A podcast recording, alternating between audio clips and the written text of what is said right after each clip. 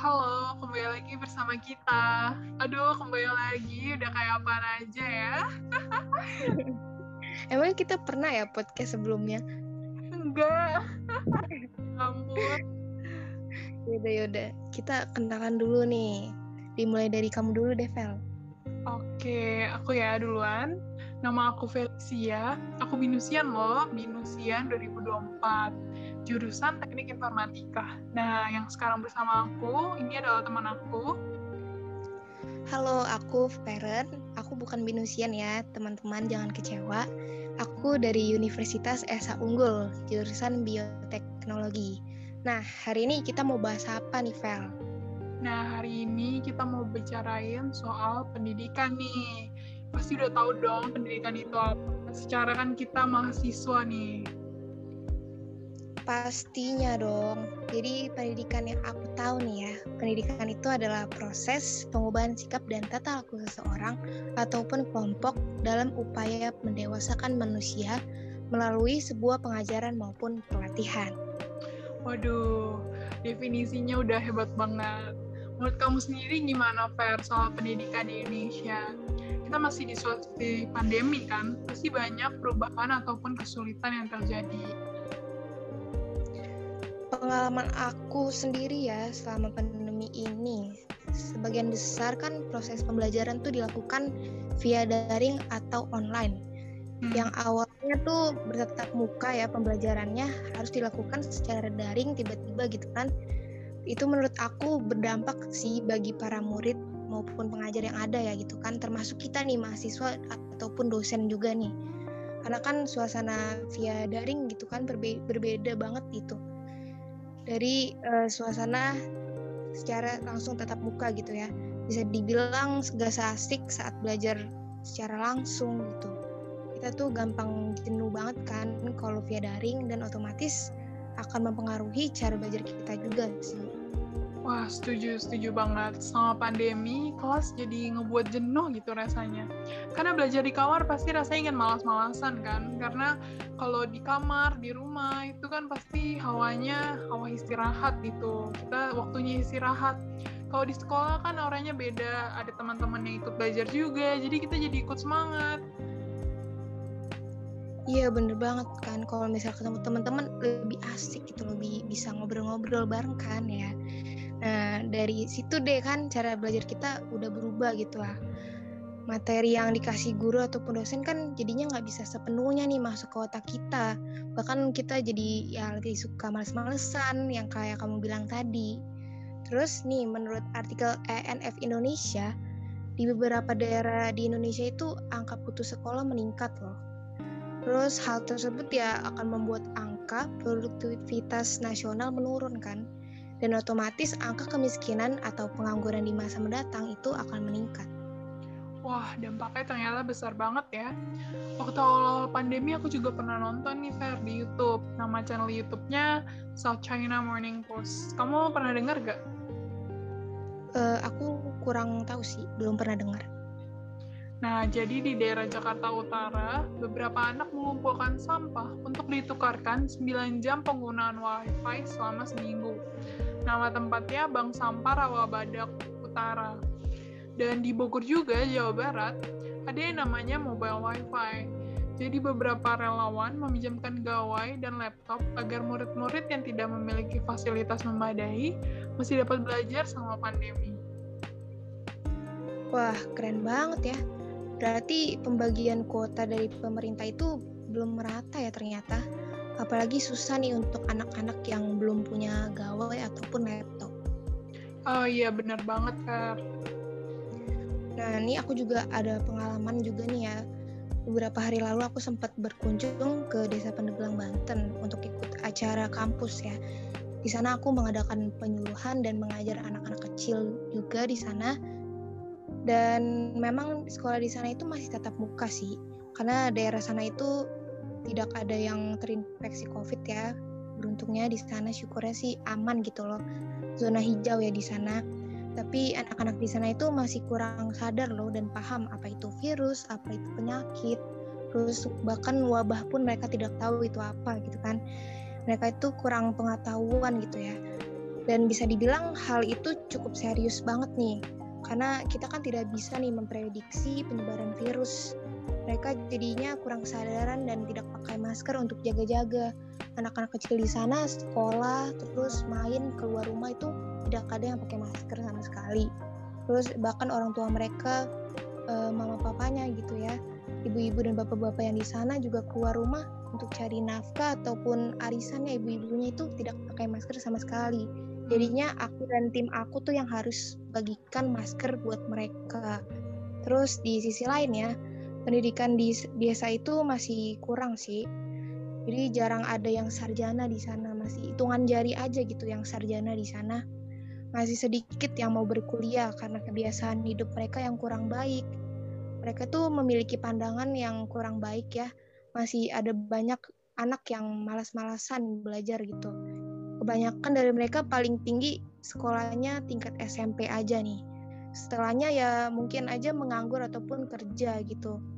Terus jarang ada yang mau melanjutkan ke tingkat SMA apalagi kuliah. E, di situ juga masalahnya tidak cuma mereka malas-malasan juga, tapi ada masalah dari faktor ekonomi juga. Jadi mungkin ada beberapa orang tua mereka yang mendukung mereka untuk sekolah tinggi gitu, tapi terhalang karena biayanya. Jadi di sana buat biaya SMA itu dipandangnya cukup mahal gitu ya. Aku dapat informasi biaya di SMA di sana itu sekitar 200 ribuan.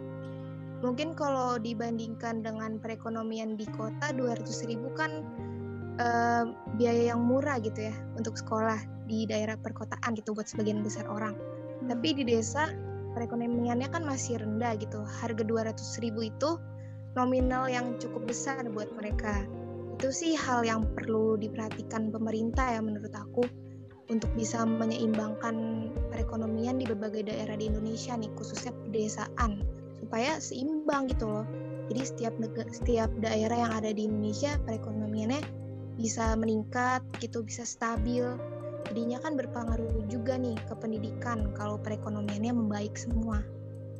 Wah, 200 ribu kayak murah banget ya kalau dibandingin sama biaya sekolah SMA aku sama kamu ya. Kayak berlipat-lipat bisa dibilang perbedaannya. Oh ya, aku juga pernah ada nih acara bakti sosial sama teman aku ke Yayasan Berkat Kasih Manuel di Cilincing. Itu uh, di Jakarta Utara kita pergi waktu sekitar SMA kebetulan memang SMA kita ada acara bakti sosial uh, terutama di tahun-tahun terakhir gitu bareng-bareng ngumpulin kita biasanya uh, ngumpulin uang bareng-bareng buat beli kayak makanannya atau mungkin uh, apa yang kita mau donasiin. Uh, kita buat acara kecil di situ kayak ngajak uh, mewarnai berhitung habis itu makan-makan bareng juga sama mereka. Aku ingat uh, kita juga bawa pensil warna ya biar mereka bisa ikut mewarnai biasanya bisa dibilang masih layak menurut aku. Cuma uh, aku merasa anak-anak di sana masih di, bisa dapat pendidikan yang lebih layak. Dengan pengajar yang lebih profesional bukan hanya relawan saja. Hmm, bener-bener terus ini aku juga pernah baca nih ya baca data dari Badan Pusat Statistik 2020 nih ada sekitar 25% anak yang tidak sekolah dari jenjang umur 7 tahun sampai 18 tahun. Dan itu angka untuk daerah perkotaan aja. Kalau di pedesaan, seingat aku sekitar 35%. Wah, berarti pendidikan Indonesia emang belum rata ya? Oh iya, kamu tahu nggak uh, guru honorer itu apa? Uh, aku kurang tahu tuh. Apa sih guru honorer? Guru honorer itu adalah guru yang tidak atau belum diangkat sebagai pegawai tetap. Tapi uh, biasanya setiap bulan mereka nerima uh, nama uang biasanya uh, namanya honorarium. Nah, biasanya ini honorariumnya nilainya uh, sekitar 500.000 sampai 1 juta per bulan. Tapi setahu ada yang bahkan lebih rendah loh dari itu. Bahkan ada yang cuma dikasih 200.000 per bulan. Bayangin hidup di kota uh, dan cuma digaji 200 ribu per bulan. Itu kayak bener-bener harus pintar banget membaginya ya. Dan harus ada punya uh, pekerjaan yang di sisi lain juga pekerjaan lain. Kayak uh, sedih aja menurut aku uh, guru digaji sekecil itu. Emang namanya guru emang uh, pahlawan tanpa tanda jasa ya Oh ya, dan oh ya singkat aku juga ada webtoonnya loh, namanya uh, Pak Guru Inyong. Kamu pernah dengar gak? Oh ya, aku tahu tuh sempet baca juga. Oke, dari situ sih bisa dibilang ya kecil banget ya gaji mereka. Itu masih di bawah UMR. Kira-kira apa aja ya yang udah dilakuin pemerintah untuk ningkatin angka pendidikan di Indonesia? Kalau yang di desa itu, di desa Pandeglang yang aku datengin, ada nih komunitas yang isinya relawan anak-anak muda yang membantu anak-anak kecil di sana untuk belajar gitu. Mereka membantu mengajar dan bahkan mengumpulkan dana untuk anak yang mau sekolah tapi terhalang biayanya. Jadi mereka itu mengumpulkan dana dari uang saku mereka sendiri loh. Padahal mereka sendiri sebenarnya nggak digaji juga gitu. Padahal uh, ya mereka juga pendapatannya minim di sana, tapi mereka baik hati banget mau membantu sesama gitu ya. Nah, kalau misalnya bantuan dari pemerintah, aku kurang tahu sih. Wah, hebat banget ya mereka ngebantuin, padahal mereka sendiri juga gajinya minim.